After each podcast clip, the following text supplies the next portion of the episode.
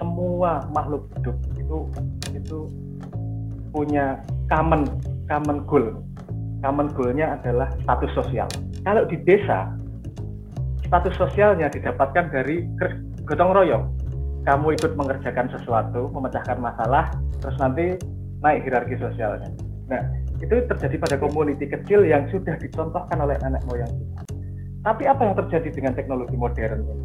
Orang ketika mau naik status sosial, bukan dengan cara memecahkan masalah, tapi pamer kekayaan, jet apa nyewa nyewa buzzer, cari influencer, bikin sensasi. Jadi semua status sosialnya bukan jalan dari memecahkan masalah. Society hanya jadi objek dari apa namanya keinginan dia. Pada konsep gotong royong yang benar, apa satu sosial adalah efek samping dari kemampuannya memecahkan masalah. Inilah Endgame. Teman-teman, hari ini kita kedatangan Sabrang Mowo Damar Panuluh atau Sabrang Noe Leto. Sabrang, apa kabar? Alhamdulillah, masih hidup.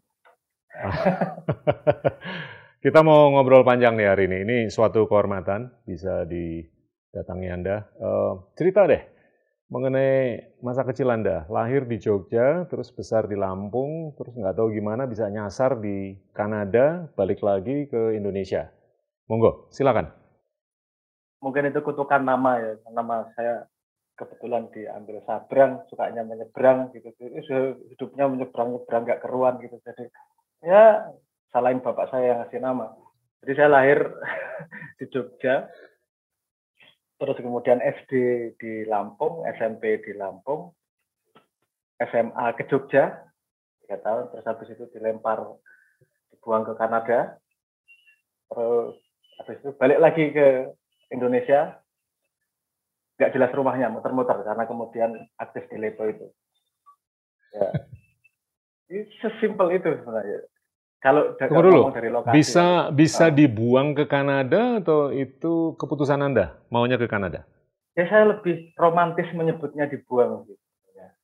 Karena itu challenge memang, challenge dari bapak.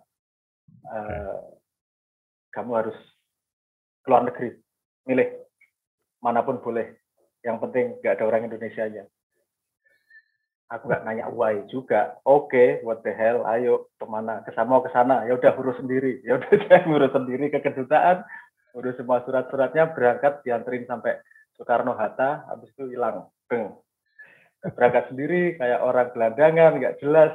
But in retrospect ngelihat itu bersyukur saya karena saya mengalami kawah Chandra di muka beneran di sana. Tanpa ada safety net intinya gitu. Bener-bener nggak ada orang Indonesia. Bener-bener nggak ada saudara dan harus fight untuk survival. Dan ketika sampai sana nggak sampai setengah tahun Indonesia mengalami krisis moneter yang 98 itu. Nah, dah safety net yang apa namanya support dari rumah itu juga eh, nah, nah, nah. jadi ya menarik. Uh, Oke. Okay. Jadi harus. Uh, uh, Gimana bisa survive? Uh, do what weekend ya kalau nggak ada duit ya kerja. Kalau nggak ada tempat yang gelandang. Kalau ya sempat numpang tempat temen numpang lama-lama juga nggak nyaman nggak enak ya. Jalan keluarnya gimana ya tidur di box telepon yang nggak masalah yang penting hidup lah. Itu it's very very valuable untuk saya. Jadi yeah. karena karena stake perjalanan ketika mengalami stake life and death setelah itu apa namanya problem apa pun sepertinya tidak seberat life and death. Resiko apa pun kayaknya saya pernah alami lebih parah kok gitu. Karena kalau tidak punya rumah itu mungkin kalau di sini nggak terlalu parah ya. Kalau di Kanada itu nggak punya rumah pada winter itu yeah. mengerikan. Karena suhu di sana bisa sampai minus 20 sampai minus 25 harus cari tempat bisa tempat nggak kedinginan gitu aja lah. Kedinginan soalnya ya mati di jalan banyak karena nggak apa nggak ada heater nggak ada pemanas. Itu itu experience cukup menarik. Terus belajar apa di sana? Formally formally belajar matematika fisika psikologi. Uh, formally. Informally ya belajar bergaul belajar ketemu ketemu sama banyak orang dari dari bermacam-macam negara dengan bermacam-macam background dan culture itu enrich itulah space of possibility lah. Menarik lah. Uh, minat atau ketertarikan dengan fisika atau matematika itu mulainya dari kapan? Waktu di college atau waktu di zaman SD SMP SMA karena wiring saya saya tuh pemalas aslinya. Pengennya kalau belajar sekali ya udah nggak usah ganti itu informasinya nggak berubah terus apa nggak berubah terus ya itu stabil. Kalau saya saya belajar hukum itu saya merasa hukum nanti ya diganti-ganti terus saya setiap saat harus belajar terus. Saya tuh malas sekolah makanya saya belajar itu aja yang nggak ganti-ganti yang stabil. Dan saya pengen cari yang paling fundamental nih apa sih kira-kira yang semua berakar di situ? Tadinya saya justru tertariknya di bioteknologi. Wow. Uh, tapi kemudian kelihatan akarnya. Kalau biologi itu kan di govern semua proses biologi itu dijelaskan sama ilmu kimia. Tapi semua ilmu kimia itu metodologinya eh apa interaksinya mekaniknya juga dijelaskan sama fisika. Terus masih ada akar lagi. Fisika di mana? Oh, fisika paling dasar nih kalau pada coherence eh pada correspondence science nih. Udah paling yang paling bisa melihat reality secara mentah modelnya itu kan fisika. Oke, saya ambil fisika. Tadinya saya ambil fisika. Tapi kan fisika juga butuh tools yang namanya matematis nih. Siap. Makanya kemudian saya ngambil matematika juga, ah, sekalian aja lah. Sekalian sengsara, sengsara sekalian lah. Enggak fisiknya, otaknya juga sengsara sekalian. Terus salah satunya saya juga ngambil psikologi, karena menurut saya psikologi juga ilmu yang mempelajari behavior manusianya. Menarik. Saya merasa itu beberapa ilmu fundamental yang yang worth it kalau dipelajari. Wow. Ya. Tapi pemikirannya gimana tuh waktu itu? Mau jadi ahli matematika, ahli psikologi, ahli fisika, dengan tujuan apa? Waktu balik ke Indonesia? No, no, saya saya nggak belajar. Ketika saya sekolah itu nggak kepikiran karir. okay. Dasarnya saya dasarnya want to understand things. Oke. Okay. Karena life itself doesn't make any sense buat saya. Iya. Yeah. Ini finite. Ini finite. Ini whatever yang kamu cari di dunia, kamu dapatkan atau yang kamu kurang di dunia, kita finite tetap anyway mati. Ini konstanta yang nggak bisa dilihat oleh, eh nggak bisa dihindari oleh semua orang. Terus pada waktu yang finite ini apa sih yang worth dikejar? Ketika aku nggak nggak menemukan jawabannya terus I just want to understand things lah gimana sih how the world works why the world works dan seterusnya lah. Makanya aku kejar itu nggak mikir karir sebenarnya. Ya stupid nih lah. Terus terus waktu balik ke Indonesia gimana? Kesibukannya apa yang pertama dilakukan? Setelah lulus dengan fisika dan matematika. ya. Setelah lulus itu saya dapat tawaran beasiswa di beberapa university di beberapa negara apa namanya tapi saya ngomong sama bapak tak istirahat dulu setahun. Capek otakku. Saya mau having fun. Oke okay, having fun ngapain? Nah having funnya itu bikin band Leto itu. Jadi mengaplikasikan itu analisis reduksionis itu. Saya ngumpulin 40 lagu terkenal dari 70 tahun 70-an saat itu. Sekitar 40 42 lah. Terus kemudian dilihat polanya, dianalisis frekuensinya, dilihat ya kemudian ketemu beberapa garis merah terus nyoba bikin apa namanya? bikin lagu dengan hasil analisis tersebut. Terus nggak sengaja ternyata disukai oleh label dan keterusan jadi leto nggak jadi terus sekolahnya. Sekolah sendiri di rumah. belajar belajar musik dari usia berapa? Saya affinity terhadap musik itu nggak deket sebenarnya. Saya saja nggak deket banget sama musik. Tapi itu apa skill yang bisa di acquire lah. Saya, saya di sana main musik, main piano dan seterusnya. Saya lebih tertarik pada bukan pada musiknya sebenarnya. Hmm. Musik sebagai medium, bagaimana dia bisa mempengaruhi internal reality kita gitu. Itu itu big question buat saya. Yang hanya noise yang ditata sedemikian rupa, tapi bisa mempengaruhi detak jantung, bisa mempengaruhi mood, bisa mempengaruhi ini intervensi banget nih. Aku nggak mengizinkan kamu masuk, tapi kok saya pas lagi patah hati dengerin musik ini jadi semangat lagi what the hell? Apa sih power of musik ini? Itu jadi penasaran saya waktu itu memang makanya harus belajar fisiologi manusia juga belajar ilmu frekuensinya di musik dan mencoba menemukan korelasinya. Penasaran hidup saya itu Menarik. lokomotifnya penasaran menarik. Tapi curiosity is the mother of invention. Iya kan? An obstacle ya. Dan oke okay deh, gimana ini untuk disambung dengan kita ngobrol mengenai pendidikan deh, ya. Anda tuh kalau menurut saya sangat bisa berpikir lebar dan dalam, ya kan? Uh, kepiawaian dalam fisika, matematika, filsafat, macam-macam lah. Ini ada buku yang baru aja dikeluarkan, judulnya Range, ya, yang ditulis oleh David Epstein. Itu dia justru mengedepankan kepentingan bahwasanya generalisasi itu lebih penting daripada spesialisasi.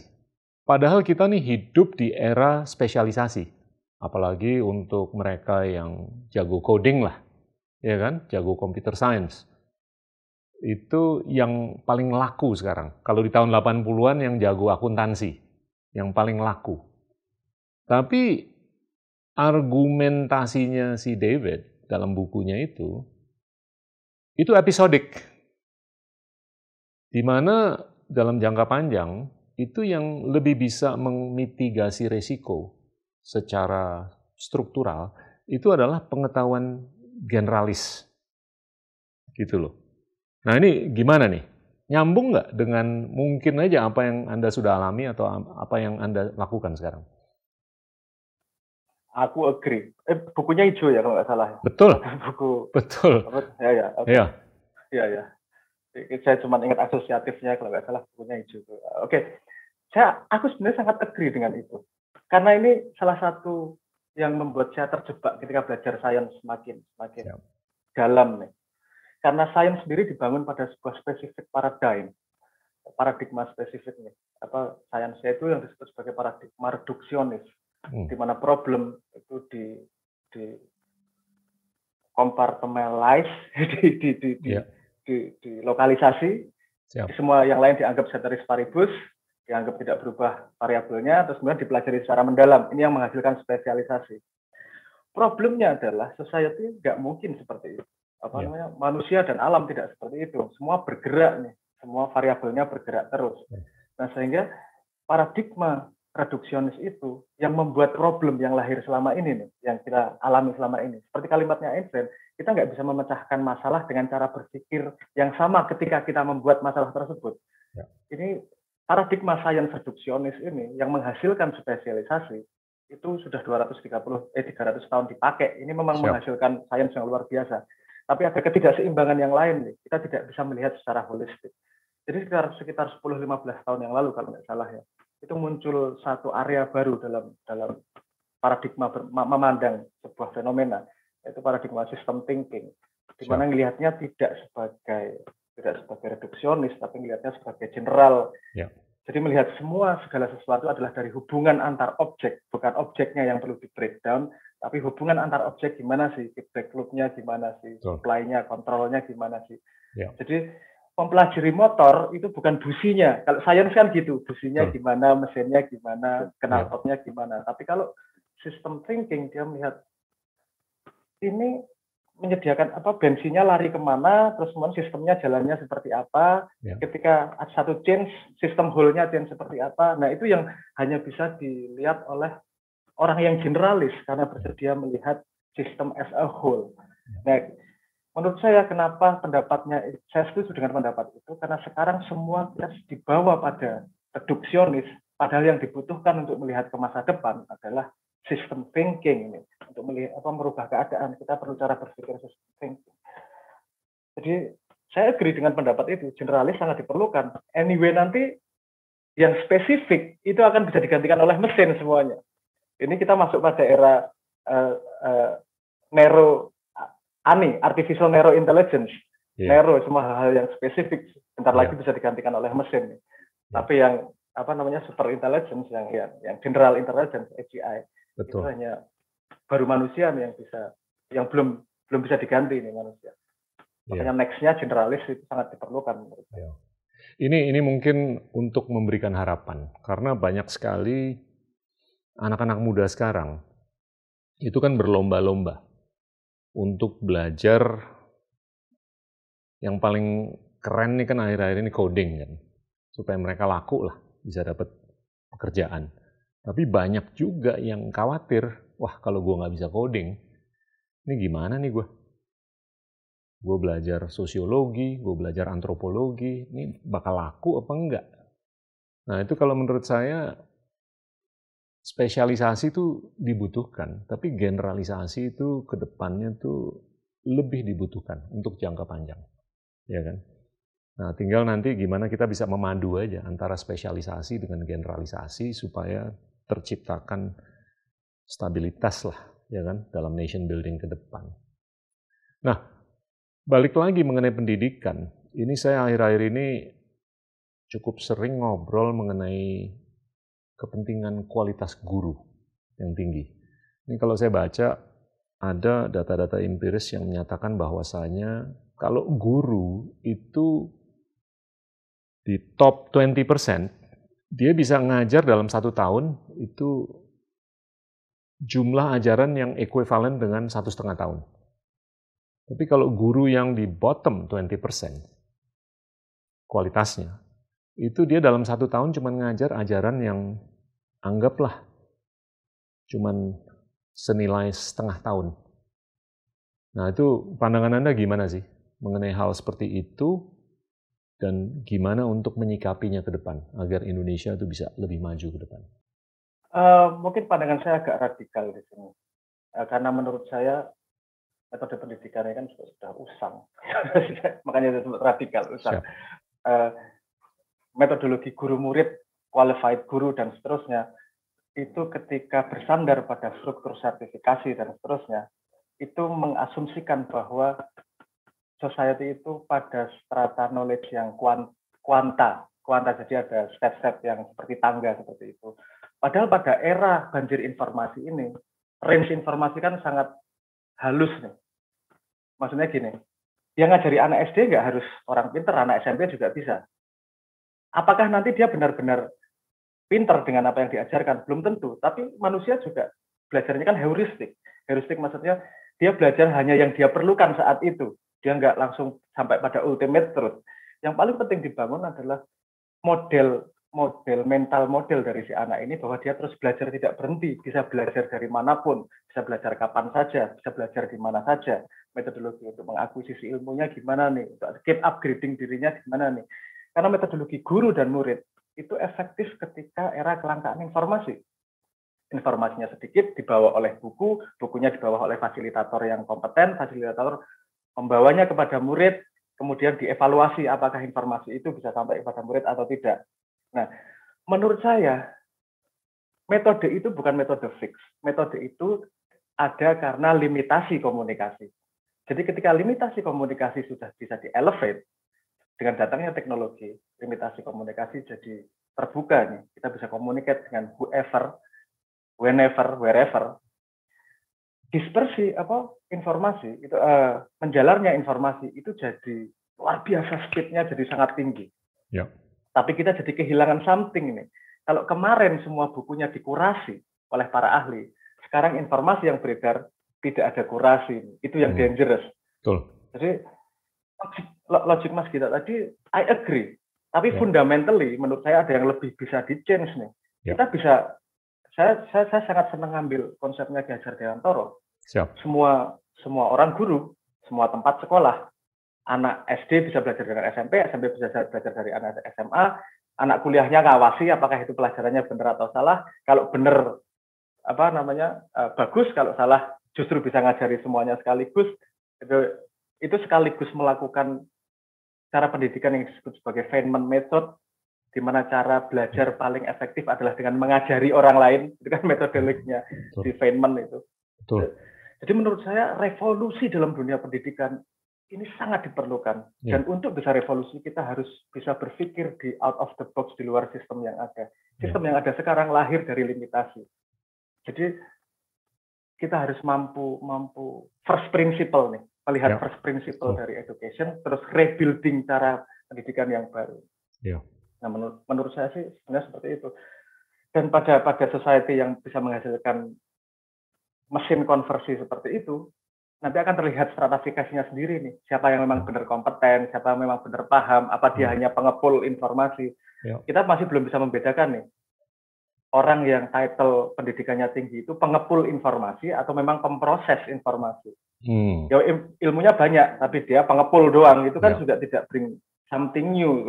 Ya. tapi ada yang dia pemproses yang sangat baik, tapi tidak mendapatkan data yang cukup.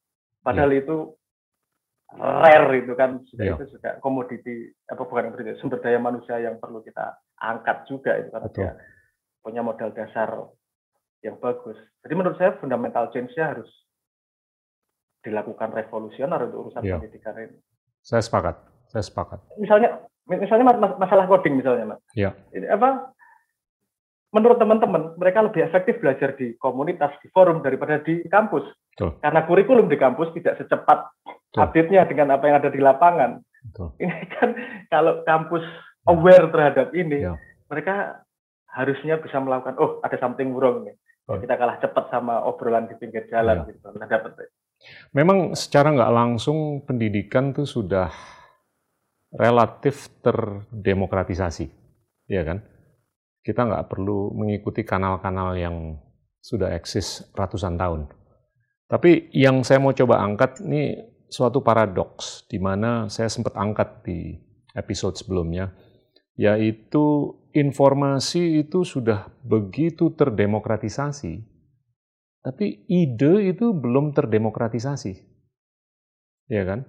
Bahkan yang kita lihat nih adalah kreasi dua echo chambers yang sangat terpolarisasi. Tapi nggak ada nggak terlalu banyak antara dua echo chamber tersebut. Nah itu kalau menurut saya agak agak disayangkan karena demokratisasi informasi itu udah begitu sangat rampan, tapi demokratisasi ide itu belum. Nah ini saya tarik lagi nih ke bagaimana anggaplah berita atau news ya. Itu kan sekarang kan sudah sangat terdemokratisasi, tapi yang kurang adalah editorialisasi terhadap informasi yang ditayangkan atau didiseminasikan. Jadi ini ada beberapa fenomena kalau menurut saya yang menarik. Tapi selama ide itu tidak terdemokratisasi, sulit untuk kita bisa mengedepankan kualitas pendidikan yang tinggi. Monggo, silakan Mas, kalau okay. ada pandangan. Uh, ya, kalau kalau menurut saya, kalau menurut saya apa yang dibicarakan oleh Mas Gita ini tadi kan pola yang terjadi. Ya. Kita sudah pola pola informasinya itu kan ya. sudah segini demokratisasinya. Kenapa pola ideasnya belum nih? Nah, balik ke tadi dengan cara melihat paradigma pakai sistem thinking, tadi kan kita melihat koneksi apa yang terjadi nih. Kalau saya melihatnya dengan iceberg model, peristiwa itu terjadi karena pola yang terjadi pola terjadi karena structure yang terjadi. Structure itu ya rule of the game-nya, media bertemunya dan seterusnya lah. Dan structure yang terjadi itu terjadi apa ada karena mental model yang ada. Menurut saya pola yang terjadi apa pola yang ada bahwa ideas belum belum terdispersi sedemikian rupa masih karena memang strukturnya belum ada yang menyediakan pola itu sehingga pola harus dipaksa pola harus didorong dengan power karena kalau strukturnya tersedia, polanya akan berjalan dengan sendirinya nih. Ya. Apa pola yang diharapkan. Jadi kalau kita ingin membuat pola tertentu, yang dipersiapkan justru bukan nomor satu adalah mendorong pola, tapi menyiapkan strukturnya ya. untuk bisa pola itu terjadi. Kalau struktur ekosistemnya sudah terjadi, polanya akan terbangun dengan sendirinya dan peristiwanya akan berubah dengan dengan sendirinya. Ya. Menurut menurut saya dari sudut pandang sistem thinking seperti itu. Yang menyedihkan di Indonesia adalah saya saya agak susah ngobrol ini sama sama orang dalam tanda petik. Karena paling gampang lihat itu melihat peristiwa. Kalau peristiwa gatel itu digaruk selesai. Kan gitu jadi dia melihat polanya loh kenapa hari Rabu oh catering saya oh ada strukturnya di situ Iya. loh kenapa saya milih catering itu mental modelnya saya cari catering yang paling mudah eh, yang paling murah jadi mental paling murah membuat gatelan ini kan sambungan yang jauh nih tapi kita tidak akan bisa changing society kalau tidak mempolakan seperti ini. Society Iya. tidak bisa berdiri sendiri. Satu peristiwa pasti ada akarnya. Satu Iya. peristiwa pasti ada akarnya. Kalau kita mau mengganti peristiwa atau mengganti pola, mau tidak mau kita harus melihat struktur yang ada di bawahnya dan mental model yang ada Iya. yang membuat pola itu terjadi. Kita kita sering kali fokus ke simptom. Kita nggak fokus ke disease. Yes, Iya kan? yes. Itu ah. mungkin metafor atau analogi yang sama lah dengan apa yang Anda baru Iya, iya, betul, deskripsikan kan. Tapi tapi begini loh, Iya, saya iya. saya tetap berhipotesa bahwasanya teknologi atau teknolog lah ini sangat berperan untuk tidak memastikan adanya demokratisasi ide. Ya kan? Ibarat kata kalau kita ngelihat TikTok, kita ngelihat Instagram, itu dari atau dengan pemberdayaan machine learning atau artificial intelligence, dia akan nyuguhin apa pun yang kita suka. Bahkan dengan intensitas yang lebih tinggi daripada sebelumnya. Sampai terjadilah adiksi. Ya kan? Nah, adiksi seperti itu, apakah kita suka ngelihat ikan kayak kita suka ngelihat kucing atau anjing atau olahraga itu bakal disuguhin terus sampai kita ngelihat HP kita tuh selama 9 jam per hari. Nah, itu kalau menurut saya sangat perlu diobati. Untuk kepentingan kita mendemokratisasikan ide. Kalau dia suka ikan, ya besoknya dikasih lihat singa, jangan dikasih lihat ikan terus gitu loh. Iya kan?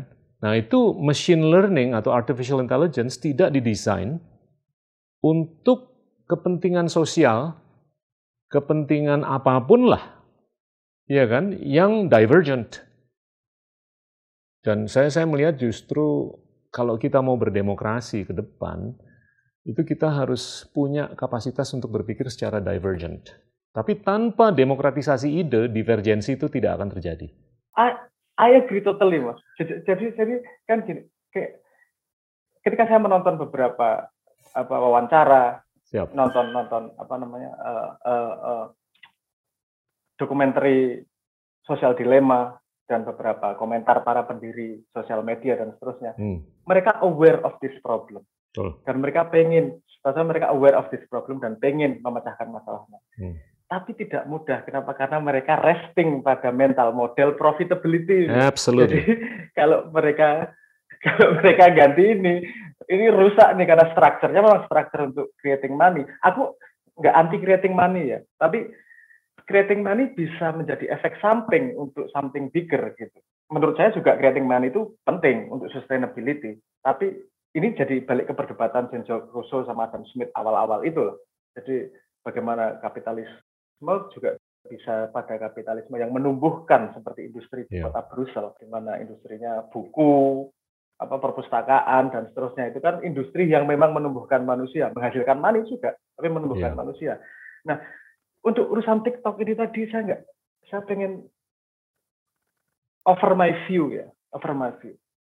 Sepemahaman saya dalam society itu pada area mana pun, pada time frame mana pun, itu selalu distribusinya seragam. Siap. 10% sebagai spionir, 80% sebagai follower, gampang lah gitulah. 10% yang paling di bawah sebagai eh, yang harus di carry oleh society karena nggak bisa memberi kontribusi positif. Gampangnya gitulah sed- sederhananya. Nah, hadirnya teknologi itu amplify some segment of the society. Ya. Nah, karena mass marketnya ada di sini di 80%, makanya TikTok dan segala macam yang memang menghasilkan adiksi itu mengamplify range ini nih kemudian karena mereka menghasilkan profit paling banyak. Problemnya adalah tidak ada yang melihat penting nih handle yang 10%. Iya. Karena menurut saya yang punya pemikiran kayak kita banyak. Cuman aku mau lari ke mana nih kalau aku pengen urusan ilmu? Aku lari ke mana nih kalau aku pengen membangun diriku? Karena TikTok tidak menyediakan itu, Facebook tidak menyediakan itu. Ya. Eh, mungkin ada beberapa tempat, ya makanya ya saya membangun simbolik ini karena ingin memberi tempat pada 10% dalam tanda petik lah sebagai pionirnya 10% ini biar ada tempat nih. Kalau ada orang-orang yang memang aneh dalam tanda petik pengen membangun growth himself, biarkan dia jadi lokomotif untuk society. Yeah. Karena kalau mereka sudah pada posisi tinggi dalam society, mereka akan direplikasi oleh generasi berikutnya. Yeah. Seperti hukum evolusi aja. Cool. Nah ini mencari orang yang mau berinisiatif di situ, yang profitnya nggak terlalu besar, tapi dia punya big change pada society. Yeah. Ini nggak gampang karena orang-orang yang kuat pada kapital pada dunia ini berdas apa mental modelnya adalah profitability Ya. Jadi sampai sekarang saya menemukan itu agak susah nih orang-orang yang memang di, di top hierarchy pada sumber daya, tapi mikir, ayo panjang 25 tahun nih gimana nih? Kita bisa crafting nih untuk mental modelnya nih. Ya. Ini budgetnya sangat, saya saya agak itu mas ya, agak curhat sedikit. Saya, saya melihat biaya yang dilakukan untuk, saya saya sempat ngetrack biaya yang dilakukan untuk pilpres atau pilkada.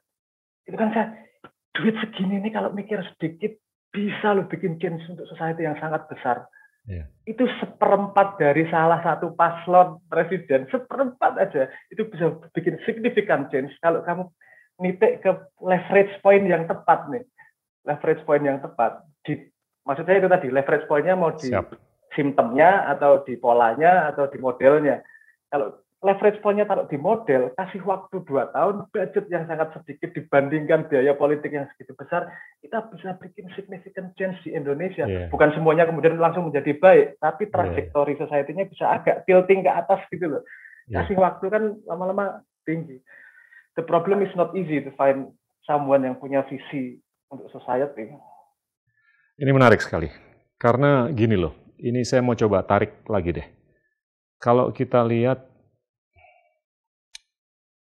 perkembangan teknologi ini sangat eksponensial.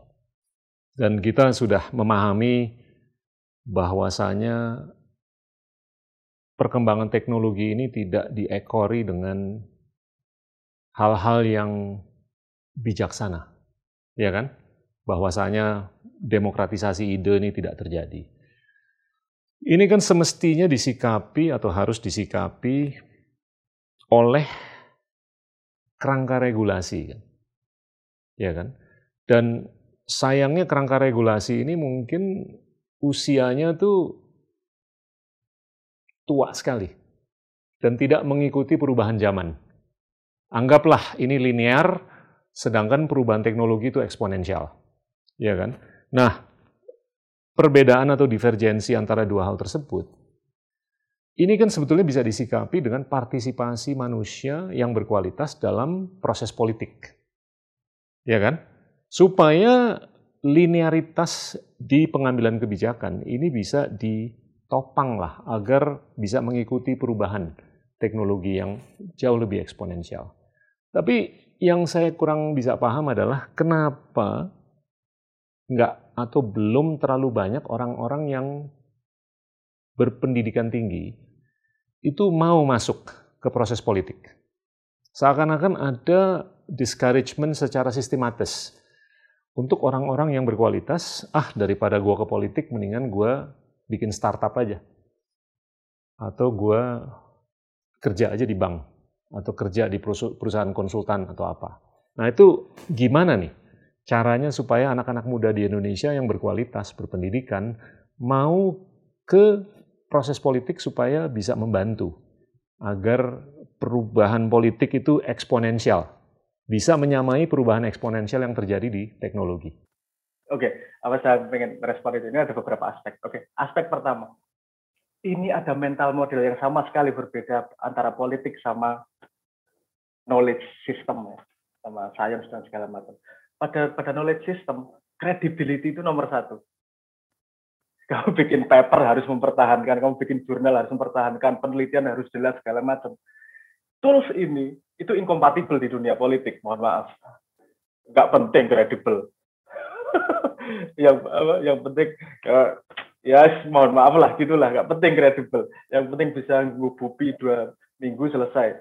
Ingatan manusia Indonesia di sosmed paling dua tiga minggu aja. Credibility panjang nggak penting. Ini mental modelnya orang teman-teman yang memang serius pada ilmunya itu nggak kompatibel dalam politik. Tapi bukan berarti itu menurut saya dead end. Karena politik juga gini, politik juga emergence dari choice, pilihan manusianya. Jadi kalau bisa bikin struktur, lagi-lagi saya ngomong struktur nih, kalau karena tidak mungkin kita dorong gini tanpa ada struktur yang tersedia. Ini effortnya terlalu besar nih untuk teman-teman apa namanya mereka teman-teman yang sudah terbiasa di dunia sains di dunia data mereka tidak akan mau meninggalkan credibility itu apa namanya? Apa ya? Harga diri itu. Credibility itu harga diri itu. Kalau ke sini aku harus meninggalkan itu. Pindah ke politik meninggalkan credibility itu nggak mungkin. Kalau ada struktur yang bisa menjembatani ini bahwa credibility bisa dilihat oleh masyarakat dan dia bisa kemudian bisa menjadi politisi berdasarkan credibility-nya, kita akan bisa membawa ke situ. Jadi menurut saya campaign untuk ngajak mereka ke politik tidak akan efektif karena itu pada simptom tuh handle-nya. Kalau kita menyediakan strukturnya, kamu tetap kredibel, kamu tetap tetap jadi dalam ilmu di bidang ilmumu, tapi masyarakat tahu secara mudah terhadap credibility dan dan apa namanya expertise orang tersebut. Ini kalau dihadepin sama politisi yang tidak paham urusan keilmuan, ini masyarakat akan tahu kok siapa yang lebih kompeten. Cuman kita tidak punya strukturnya untuk seperti itu. Karena kita masih gagap. Nih. Belum pernah ada dalam sejarah dunia di mana satu umur manusia mengalami perubahan society yang begitu cepat. Ketika saya masih SMP, HP nggak ada. Jangankan WhatsApp. Saya sekarang saya tidak bisa membayangkan kalau nggak ada chat program itu kontak temen janjian gimana tuh saya nggak bisa bayangin. Tapi dulu SMA nggak masalah ya gitu. Jadi ini change change teknologi belum pernah ada dalam sejarah manusia di mana manusia harus adapt segitu cepat terhadap pola society ini. Dan saya yakin ada nih sedikit persen yang memang tuning di situ. Kita harus dengerin mereka nih gimana nextnya gimana apanya. Baik kita kemudian sharing resource ada yang punya ilmu, ada yang punya dana, ada yang punya tenaga, gabung buat strukturnya, kemudian terjadi pola dan terjadi eventnya. Ini eventnya, peristiwanya ini akan pindah dengan sendirinya kalau tersedia struktur dan pola. Menurut saya seperti itu. Jadi masalahnya valid, tapi angle of attack-nya yang belum dipikir terlalu mendalam menurut saya seperti itu. Sebetulnya angle of attack-nya itu salah satunya adalah kotak nyoblos yang bisa menjembatani kan antara siapa yang udah eksis di dunia sains dengan kepentingan kita di proses politik. Ya kan? Tapi sekali lagi yang lebih struktural menurut saya adalah yang pergi ke kotak nyoblos itu juga harus disuguhi informasi dan pendidikan, ya kan? Nah, itu kalau menurut saya yang sangat struktural. Ya, balik lagi ke isu awal tadi. Gimana supaya siapa pun konstituen yang nyoblos, itu dia punya pemahaman mengenai apa yang terbaik untuk masyarakat luas ke depan. Ya kan? Nah, itu harus terjadi demokratisasi ide supaya dia kaya dengan ilmu. Ya kan? Dan apalagi kalau yang disuguhin di kotak nyoblos itu adalah orang-orang yang tadi itu, yang udah juara di bidang-bidang lain yang keren banget gitu loh, yang kelihatannya bisa nih berkontribusi untuk pengambilan kebijakan ke depan. Saya pernah bikin eksperimen gini mas, pada pemilihan 2019.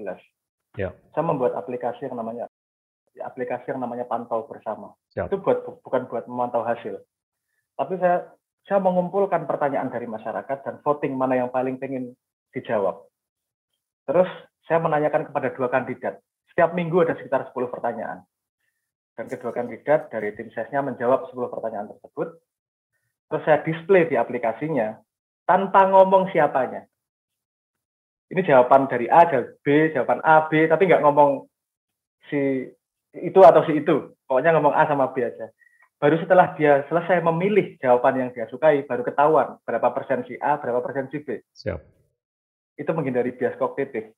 Ini pengen menjawab masalah tentang apakah orang secara logik memilih. Nah, terus output yang terjadi adalah sebenarnya kemudian mereka ada komplain utamanya gini, Mas, saya tuh tiap hari kerjaannya juga cuma jaga counter HP. Saya untuk riset politisi juga nggak akan mampu, nggak paham juga.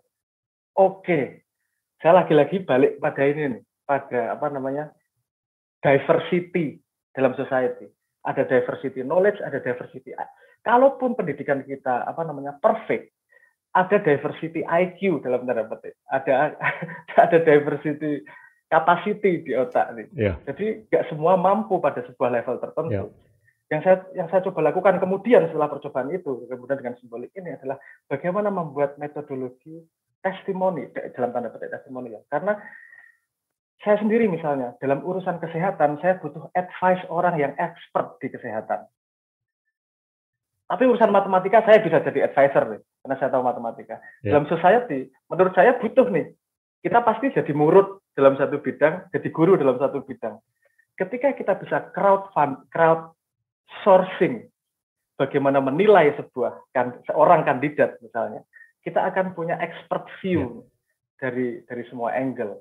Dan kemudian problemnya adalah bagaimana expert view ini di di konversi menjadi value yang mudah dipahami oleh rentang IQ yeah. mana pun.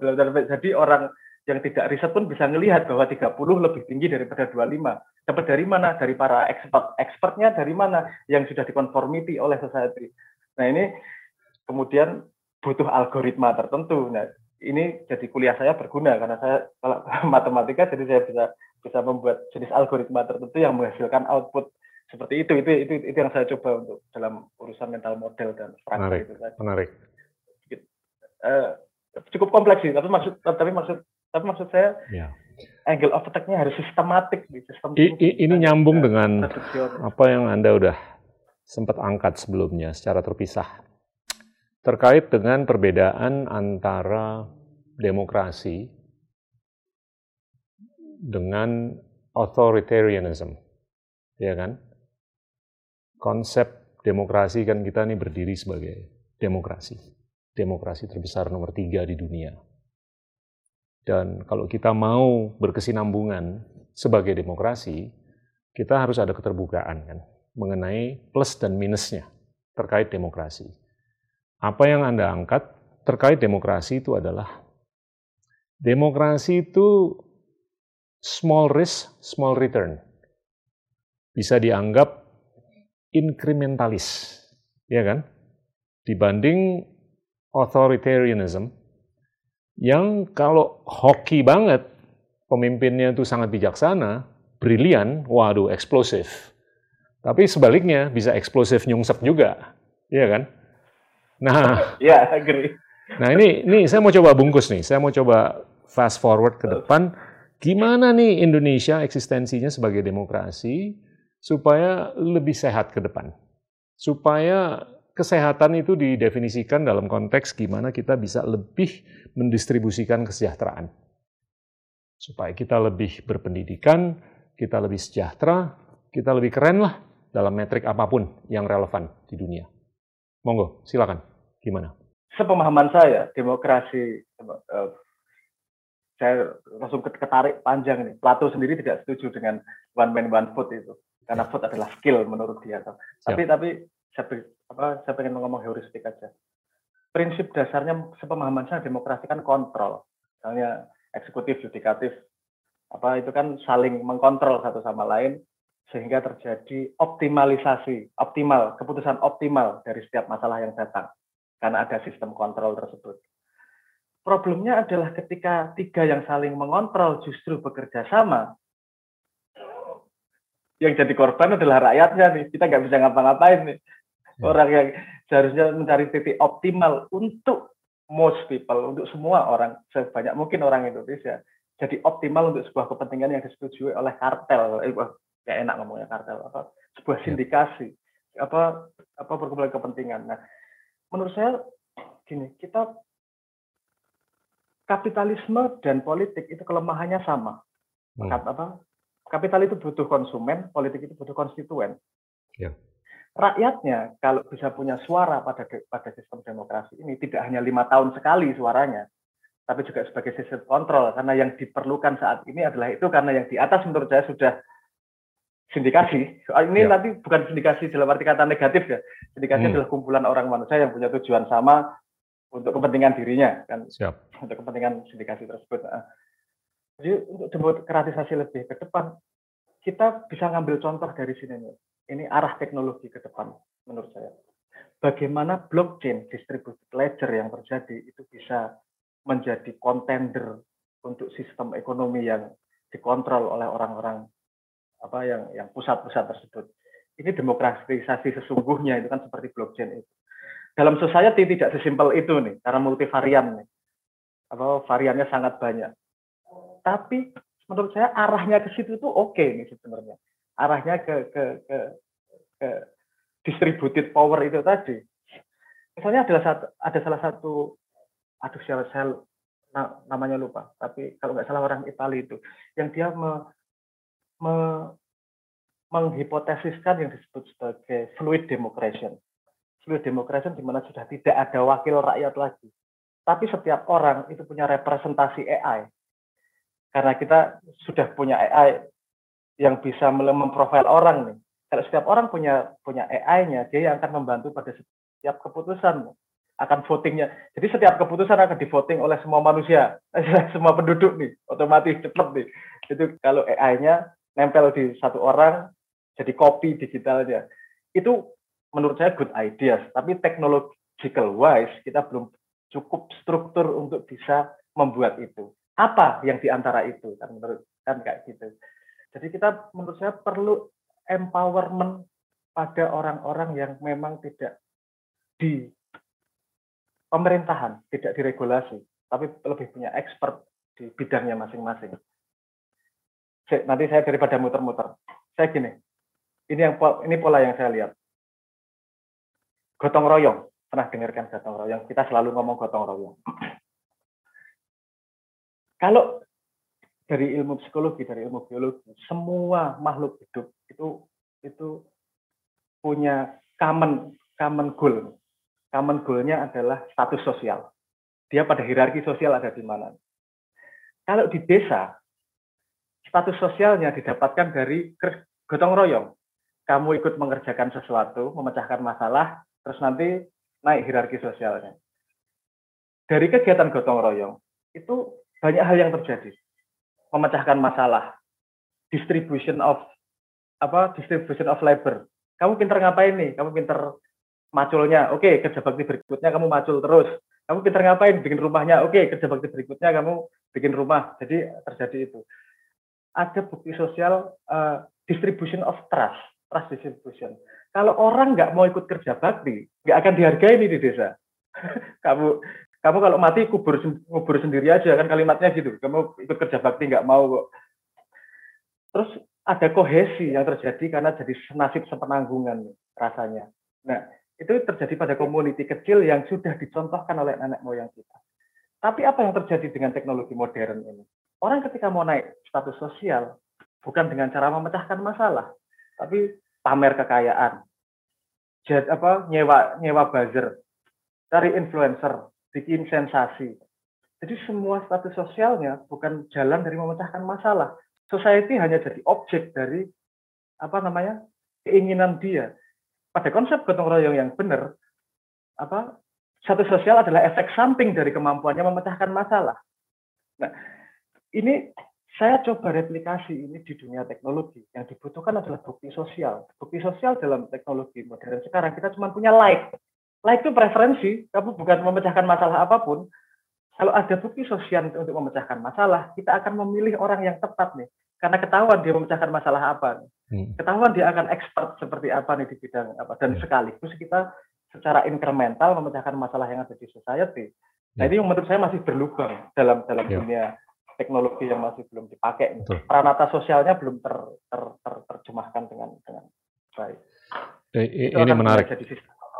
Ini menarik sekali. Anda mengangkat uh, konsep atau topik blockchain, ya kan, dalam konteks demokratisasi pengambilan keputusan yang selama ini masih hanya terjadi di dunia keuangan. Dan kalau saya lihat internet itu dari tahun 90 sampai tahun 2020, periode 30 tahun, itu pertumbuhan per tahunnya kurang lebih 60-an persen. Tapi blockchain, aplikasinya, itu semenjak inception, itu growth rate-nya 120% per tahun.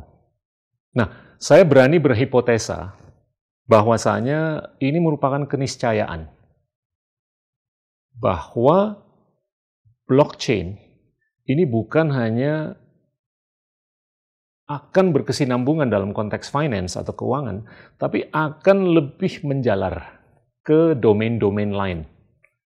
Bisa untuk kepentingan kita meng-social re-engineer, untuk kita melakukan political re-engineering, kita melakukan tentunya economic re-engineering, dan apa pun lah. Karena secara fundamental, blockchain ini laku karena adanya satu transparansi, dua tentunya desentralisasi yang bisa mengdistribusi, ya kan? Dan ketiga tentunya adalah recourse. Recourse itu apa sih? Akuntabilitas, ya kan? Di mana banyak sekali domain-domain yang selama ini mengdikte perilaku kita itu sifatnya sangat sentralistis. Ya kan? Nah, ini desentralisasi versus sentralisasi ini akan menjadi mungkin perdebatan atau diskursus yang sangat nyata dalam 10-20 tahun ke depan. Dan kalau fenomena, ini sudah tumbuh 120% per tahun semenjak beberapa tahun yang lalu, ini kita harus antisipasi, ya kan, ke depan bahwasanya aplikasinya ini bisa menjalar ke domain-domain lain di luar keuangan atau ekonomi. Iya kan? Saya saya saya, per, saya pernah berdebat panjang soal itu pada sebuah webinar lah. Apa apa yang kira-kira bring forward society ini? Apa kans berikutnya bring forward society? Dan saya menjawab ini blockchain. Posisinya pada pada, begini. Ketika ditemukan currency sebagai representasi dari resources, kita punya explosive growth pada commerce karena token terhadap resources itu jadi punya storage value, jadi bisa punya apa namanya, eh, jadi bisa rule of the game untuk naik hierarki. Apa, jadi representasi terhadap resources yang kita miliki ini diwakilkan pada sebuah parameter yang universal sehingga bisa dijadikan sebuah game. Tokenisasi ini kan penting banget menurut saya. Dia membuat sesuatu yang dunia fiksi abstrak di kepala menjadi seolah-olah real nih di, di, di tangan nih. Nah, blockchain dengan tokennya memungkinkan untuk tokenisasi something much bigger daripada resources. Karma point misalnya, bagaimana karma coin salah satu poin di, di apa blockchain. Bagaimana berbuat baik apa itu bisa ditokenisasi. Apa nanti inisiatif jadi inisiatif jadi aspek manusia yang bisa ditokenisasi itu akan menjadi jauh lebih luas daripada sebelumnya. Dan kalau kita melihat currency aja bikin eksplosif pada peradaban seperti itu, possibility yang disediakan blockchain itu juga mengerikan sebenarnya. Tapi untuk bisa memandang ini, kita kita kita butuh itu tadi generalisasi. Kita butuh butuh sistem thinking untuk bisa melihat opportunity ini. Dan menurut saya ini masih up for grab nih. Siapa saja masih bisa nih untuk ngambil nih. Indonesia kalau mau ngambil ya bisa menurut saya. Tinggal ideasnya. Ini perangnya kan perang idea sekarang. Itu bukan perang lagi bukan lagi Betul. perang knowledge. Karena karena ekonomi, politik, sosial, budaya itu semuanya bisa ditokenize. Secara hypothetical ya, ya kan? Dan ya, tokenisasi ya, ya, itu ya sudah nyata dalam dunia keuangan dan saya saya melihat Apalagi kalau ini pertumbuhannya 120% per tahun dalam sedikit lebih dari 10 tahun terakhir lah. Ini mungkin era baru yang eksplosif setelah era internet. Dan internet juga pertumbuhannya, deselerasinya tuh nggak terlalu signifikan. Itu selama 30 tahun pertumbuhannya di atas 60-an persen per tahun. Ini masih terus berkesinambungan dan diekori dengan era blockchain yang kalau menurut saya niscaya akan, bukan hanya bisa, itu diaplikasikan dalam beberapa domain lain selain ekonomi atau keuangan. Iya kan? Itu itu yang saya perjuangkan luar biasa dan tidak mendapat dukungan dari mana-mana itu, Mas. Karena saya pengen tokenize something yang belum ada sebelumnya, jadi orang nggak membayangkan kok bisa sih. Saya, yeah. saya kasih analogi yang sederhana lah. Ah, saya kasih analogi yang sederhana.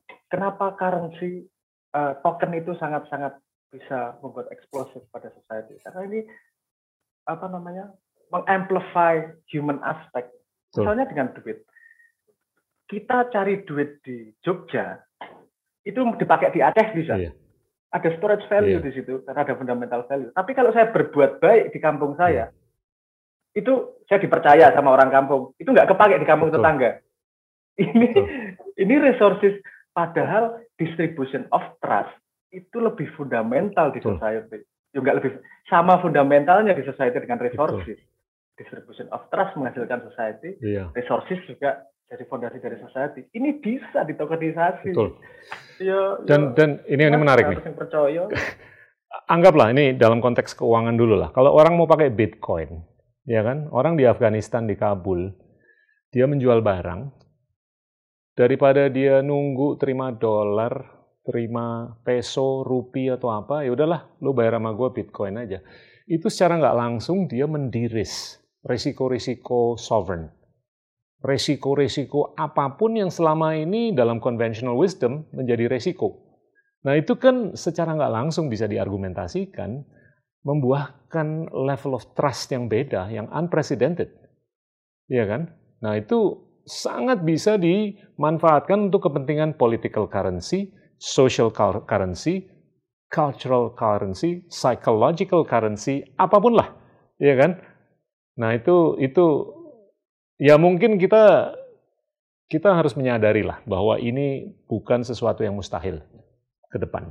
Apakah ini akan terjadi dalam satu dua minggu atau in our lifetime, saya nggak tahu. Tapi kalau kita ekstrapolasikan dengan logika, ini bukan sesuatu yang mustahil. Nah, saya mau tarik lagi nih ke isu atau topik demokrasi, ya kan? Anggaplah pemberdayaan teknologi untuk kepentingan kita berdemokrasi ini nyata akan terjadi. Dalam time frame kapan saya nggak tahu, tapi kalau saya lihat dalam demokrasi atau proses demokratisasi, itu yang paling penting adalah institutional building kan ya kan? Gimana kita bisa membangun institusi, institusi apa pun lah, nggak se nggak terbatas dengan institusi eksekutif, yudikatif ataupun legislatif, tapi segala institusi yang bisa membesarkan bangsa, ya kan? Nah itu ujung-ujungnya di situ. Siapa pun yang memimpin dalam demokrasi itu dia akan dinilai dalam konteks gimana he or she itu bisa mengedepankan pembangunan semangat kelembagaan atau lembaga.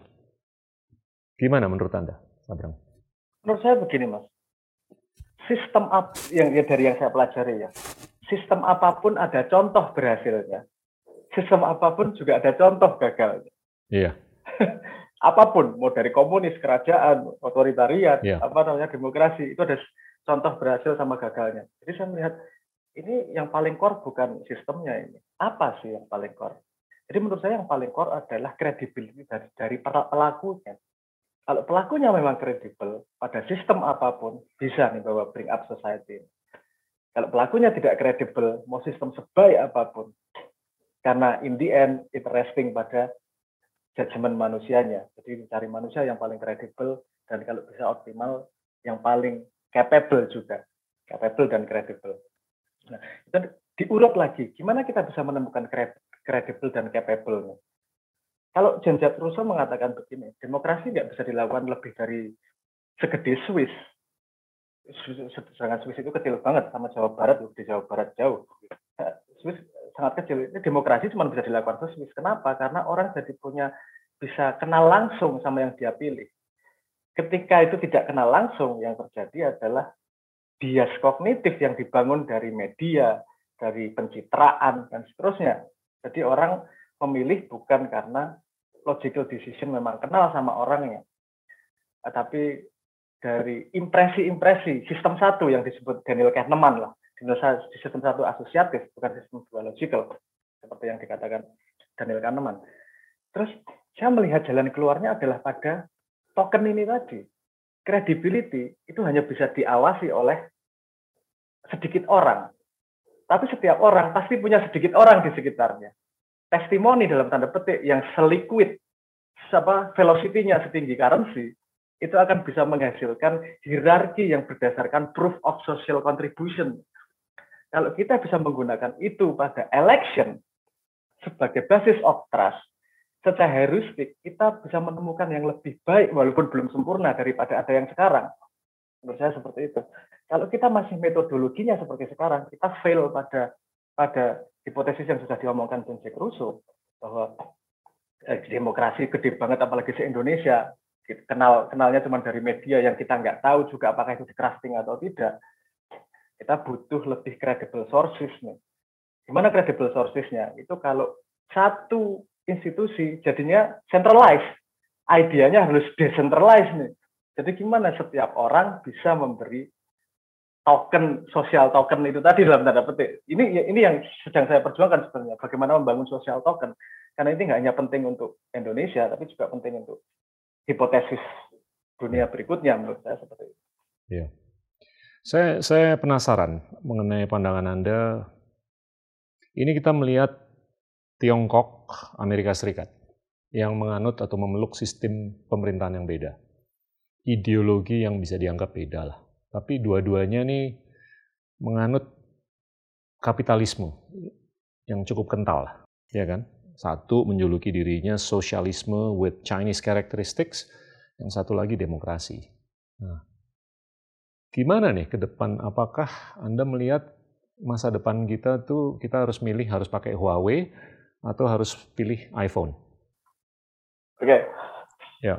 Saya melihat itu terulang lagi, Mas. Saya melihat itu terulang lagi. Ya dulu perang antara antara demokrasi sama komunisme perang itu di mana satu sangat kontrol dan satu sangat free itu ya kalau melihat sekarang siapa yang menang dalam tanda petik ya secara ekonomi secara iya. ekonomi yeah. secara welfare misalnya secara growth kalau kita lihat ya multivariat lah tapi saya ambil dari satu sisi dari satu sisi ini bahwa ketika Cina me, dengan fondasi kontrolnya tapi membuat sistem kapitalis di atasnya menggabungkan dua sistem itu dia jadi lebih optimal daripada yang lain. Ya. Nah, ini terjadi lagi nih di apa dunia online public space di mana semua inisiatif terjadi di mana semua gagasan apa diaduk dan sedemikian hmm. rupa.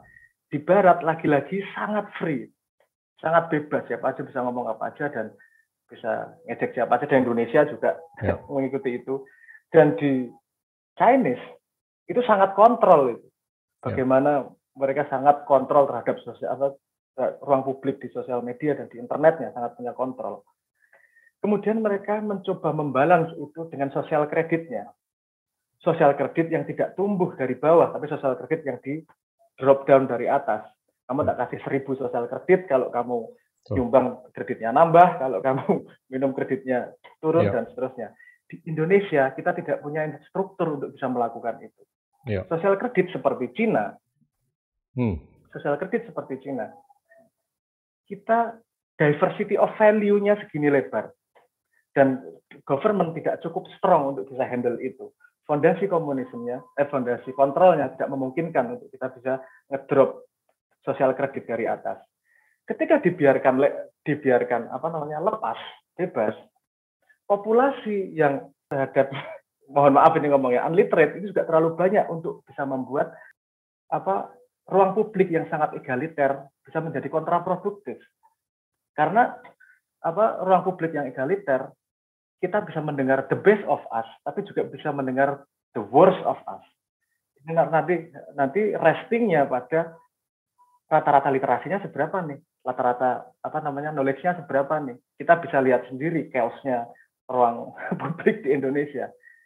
Melihat belajar dari dari tarungnya tarungnya komunisme dan demokrasi itu untuk menjawab ruang publik sebenarnya menurut saya sangat obvious bagaimana kita bisa membuat sosial kredit yang terbangun dari emergence di bawah. Karena kita punya infrastruktur eh, kita punya struktur mental model yang namanya gotong royong yang namanya apa namanya kerja bakti dan seterusnya.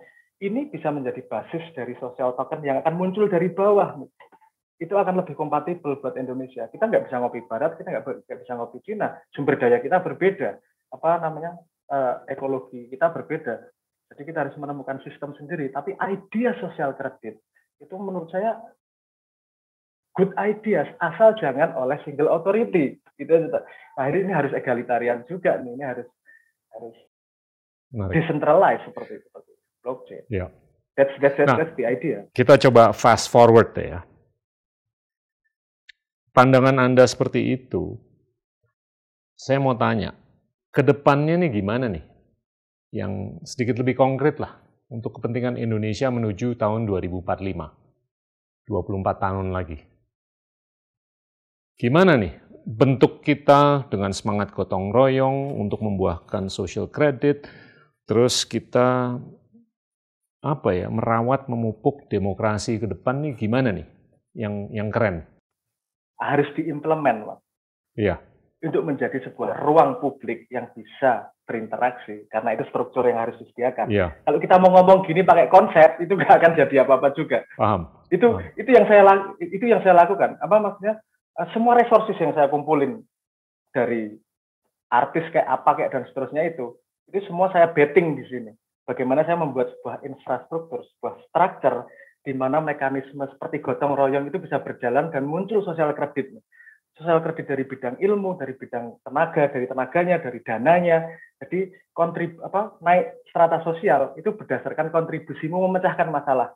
Ini realnya saya mencoba bikin sosial media. Ada dua ada dua hal yang yang apa namanya saya buat di situ. Jadi bagaimana evolusi gini, ada ada dua evolusi yang saya saya coba masukkan di situ. Pertama, evolusi token. Token resources yang namanya currency, token preference yang namanya like, yang sekarang juga dijadikan status sosial, banyak-banyakan follower, banyak-banyakan like, itu menjadi berikutnya yang saya bangun yaitu token contribution, token manfaat, token impact. Bagaimana kamu bisa memberi impact pada society untuk memecahkan masalah. Ini evolution berikutnya nih. Menurut menurut saya, hipotesis saya. Dan yang kedua adalah amplifying human trade tek, apa uh, revolusi industri itu amplifying human mechanical energy. Uh, yang tadinya bisa macul sawah cuma satu hektar dalam sehari dengan traktor bisa menjadi 10 hektar itu amplifying human power tuh. Kemudian uh, teknologi digital itu amplifying communication yang tadinya komunikasi lewat surat lambat dan seterusnya bisa very fast dan very connected Nextnya menurut saya amplifikasi dari brain power. Apa namanya? Jadi otak teknologi ini seharusnya seharusnya bisa mengasis manusia untuk meningkatkan kemampuan komprehensinya, mengumpulkan informasinya, jadi pintar cepat sesuai fase yang dia inginkan, pada interest yang dia dia mau, diassist oleh AI untuk expand your knowledge. Nah itu realnya saya sudah melakukan dua sekitar satu tahun dua tahun eh, sekitar satu tahun setengah satu tahun setengah saya nyicil membangun sebuah sosial media yang carry out dua ideas itu. Token of social eh token of impact sama amplifying brand power. Harapan saya interaksi di dalam bisa dengan cepat memintarkan orang sesuai kapasitasnya dan sesuai keinginannya yang kedua adalah dari semua interaksi adalah memecahkan masalah di mana semua orang mendapat sosial kredit ketika dia memang melakukan sesuatu salah satu impactnya nanti yang terjadi pada demokrasi, milih pemimpin yang memang berbuat sesuatu. Jangan yang paling banyak balihonya. Jangan yang paling jangan yang apa namanya pencitraan aja, tapi sosial kredit detail ini dari mana nih? Kamu sudah memecahkan masalah apa nih? Problem gimana? Ekspertismu di mana nih dan seterusnya lah. Saya, itu realnya saya saya membuat Optimis ya? Simbolik. Anda optimis nggak ke depan? Kalau anggaplah simbolik ini jalan, terus Anda melihat hmm. Indonesia tahun 2045. Itu gimana sih gambarannya? Hmm. Nah, saya melihatnya gini. Mungkin mulai dari optimis, uh, realistis, pesimis. Uh, skenario optimis kayak gimana? Ini, skenario realistis gimana? Skenario pesimis gimana? Ini ini ini gini ya. Saya tuh saya saya, saya tuh nggak berjalan pakai optimis pesimis ya. Metrik yang saya pakai. Karena menurut saya optimis sama pesimis itu datang dari ketidaklengkapan data. Kalau datanya okay. lengkap, kamu nggak perlu optimis, nggak perlu pesimis. Kamu Siap. tahu bisa antisipasi what's gonna happen kan kan gitu. Ya. Dan saya melakukan sesuatu yang memang ada kansnya untuk berhasil. Kalau enggak ngapain? Jadi ngelihat patch-nya untuk berhasil itu ada. Tapi belum tentu saya punya semua resourcesnya untuk bisa melakukan itu kan. Apa kita butuh butuh itu juga. Apa perang itu butuh logistik selain strategi juga. Gitu. Nah, jadi kalau ngomong apakah ini berhasil, saya nggak melihat what next di society.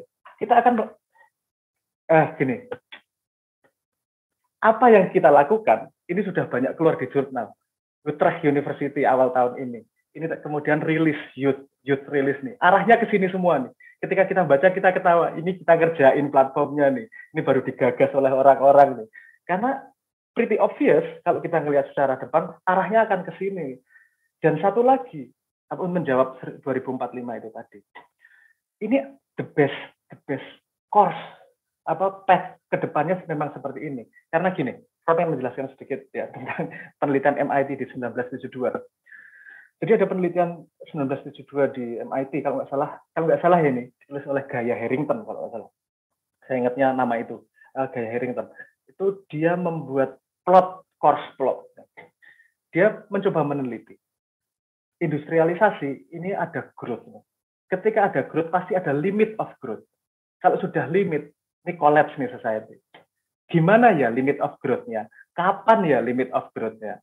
Kemudian di chart itu ada tiga plot. Pertama, business as usual.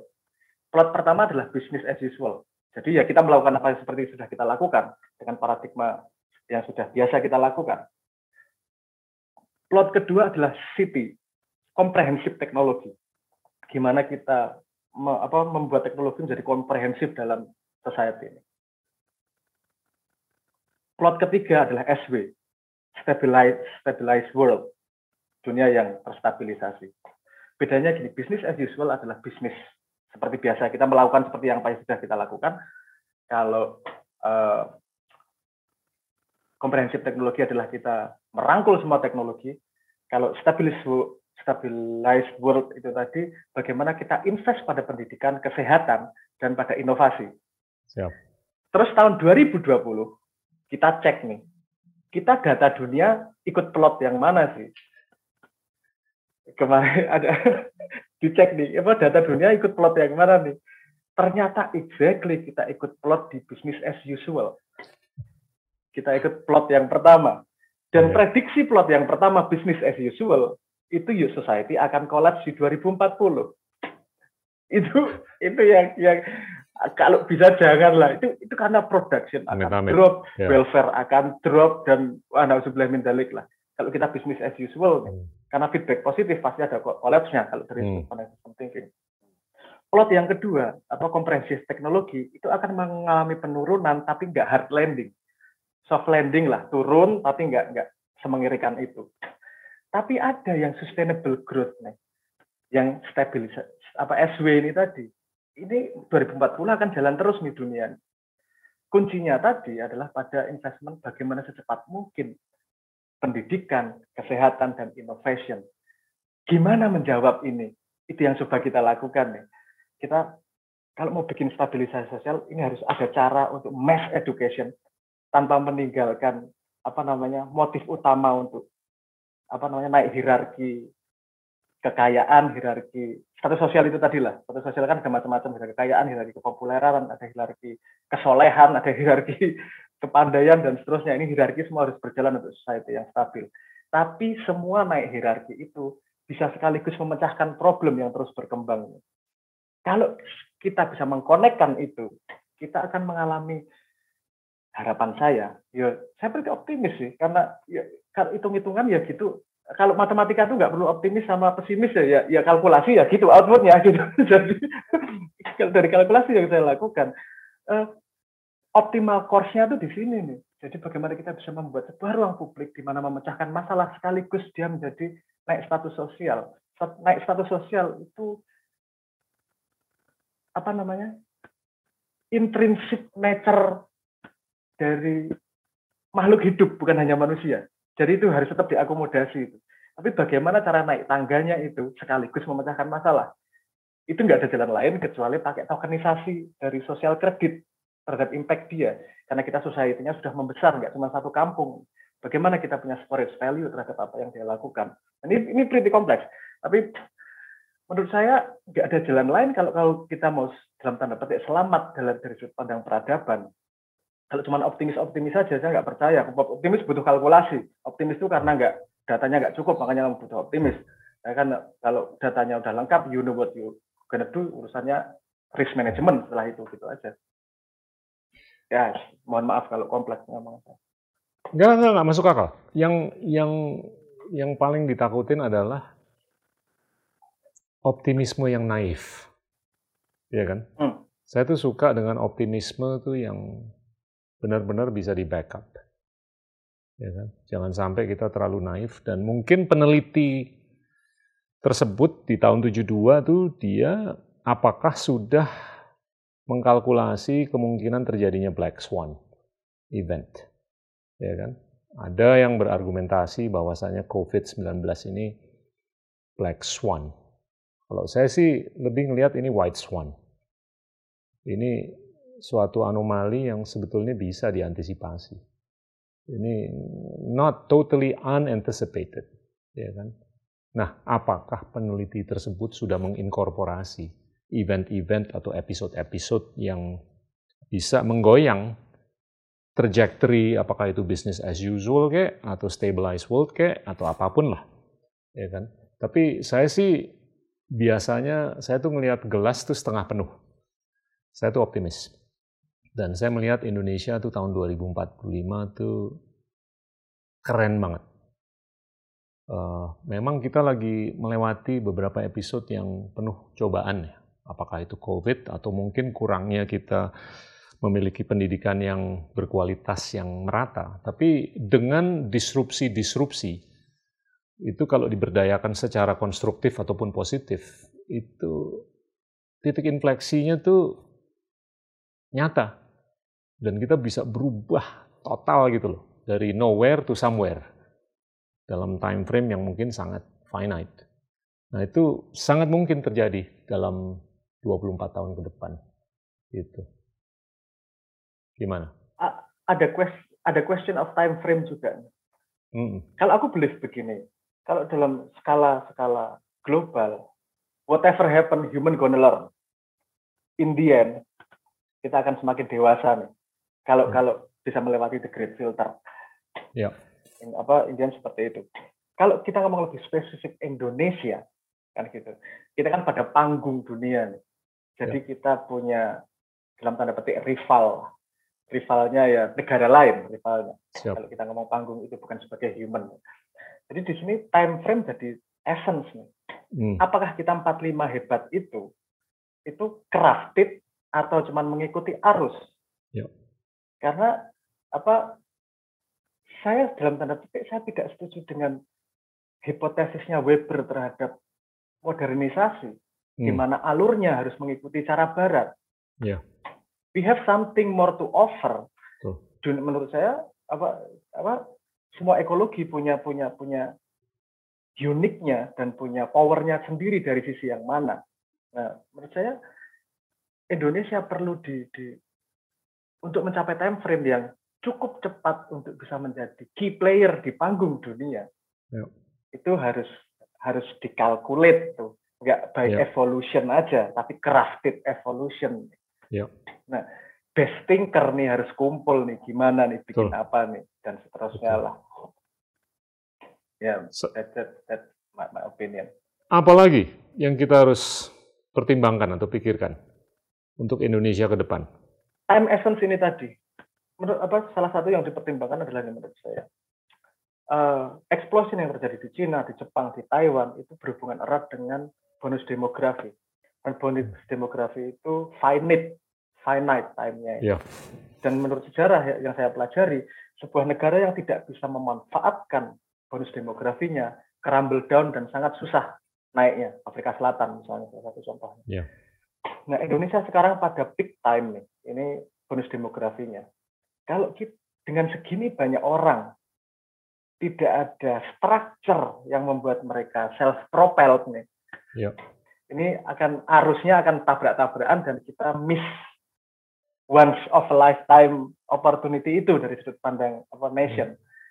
Jadi menurut itu time of essence-nya kita yeah. punya opportunity ini nih apa bonus demografi ini. Ini yang kalau kita tidak bisa memanfaatkan time frame selama 15 tahun ini, 15 sampai 20 tahun ini, kita akan miss opportunity beneran. Yeah. Ya makanya kenapa saya ngotot ngotot mati-matian nekat kayak gini karena menurut saya ini once in a lifetime opportunity nih. Hidup saya finite juga kok anyway kok. Gagal yo mati, berhasil yo mati, nothing tulus. Apa ending ending poinnya sama aja. Dan saya belajar dari bisnis ini loh. Kalau investment itu kan pada sesuatu informasi yang paling pasti. Yeah. Kalau informasinya tidak pasti, investment mengandung risk. Yeah. Ya informasi dari yang paling pasti dari hidup kan mati. Lainnya kan probability. Oh, yang paling pasti, oke okay, aku tak invest nih. Kalau aku mati, what can I do optimally dalam time frame yang diberikan? Ya. Yeah.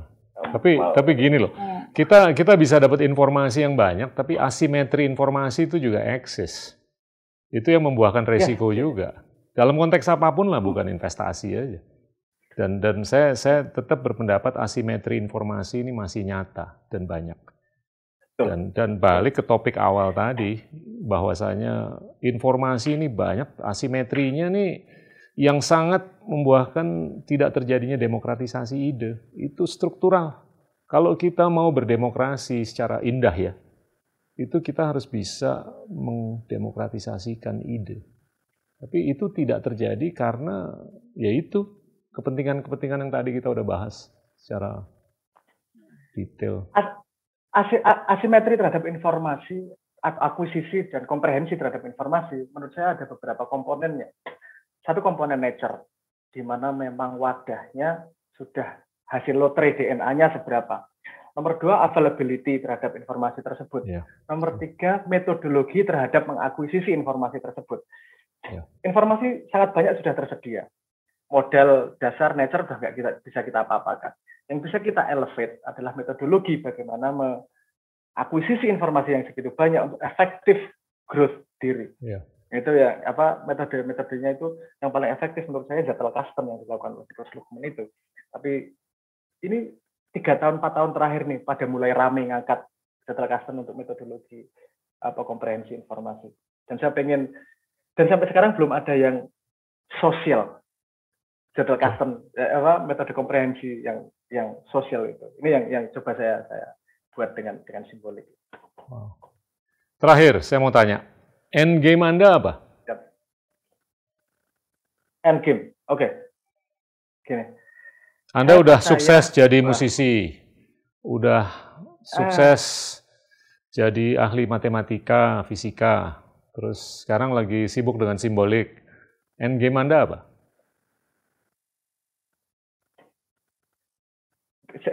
Saya, nggak tahu sih parameter sukses, tapi oke okay lah ya kalau dianggap sukses alhamdulillah. tapi saya, yang kan saya, saya melihatnya begini. Nature menyedia, nature menyediakan space of possibility buat kita. Nurture menyediakan arah eksplorasi. Tapi consciousness bisa membuat kita memilih pada lokasi mana kita berdiri. Ya. Nah, yang saya pilih adalah end game saya adalah gini. Satu langkah ke belakang. Untuk society bisa berhasil adalah kemampuan mengkonversi potensi menjadi aktualisasi. Jadi ada mesin konversinya. Potensinya seberapa, teraktualisasi seberapa. Kemajuan peradaban adalah konversi yang efektif end game saya. Sumbangan terhadap time frame hidup saya yang apa namanya yang saya dikasih sama Tuhan ini. Ini saya sudah memilih place. Apa nih yang saya yang akan saya lakukan? Saya ingin membuat sistem konversi yang paling efektif untuk mengkonversi potensi masyarakat menjadi aktualisasi. Karena itu impact-nya yang paling besar pada society sistem konversi ini berevolusi terus sepanjang zaman. Dan menurut saya ini kesempatan besar untuk kita bisa membuat sistem konversi yang baru. Kalau itu sudah terplis, sudah bisa diletakkan, generasi akan inklinasinya naik sendiri. Itu end game saya, bikin sistem konversi dari potensi menjadi aktualisasi. Wow. ini ini luar biasa. Ini ini diskusi yang kalau menurut saya cukup philosophical atau conceptual. Tapi menarik sekali. Dan saya saya ngelihat Anda tuh punya misi untuk benar-benar mengindahkan peradaban kita. Dan saya tuh nggak bisa mengunderestimate kekayaan peradaban kita yang sudah eksis selama easily 2000 tahun terakhir, ya kan? Dan ini harus digosok, digosok. Dan dan saya mau balik lagi nih, dalam konteks decoupling atau perceraian antara Tiongkok dengan Amerika Serikat yang semakin intens. Uh, Tiongkok tuh merupakan peradaban yang umurnya 4.000 sampai 5.000 tahun. Amerika tuh hanya 200-an tahun. Perlu jembatan. Jembatan yang paling logis adalah peradaban yang sudah eksis cukup lama. Apakah itu Eropa yang udah beribu tahun ataupun kita di Asia Tenggara termasuk Indonesia yang sudah eksis selama 2000 tahunan lah. Semenjak Sriwijaya di milenium pertama, Majapahit milenium kedua sampai sekarang.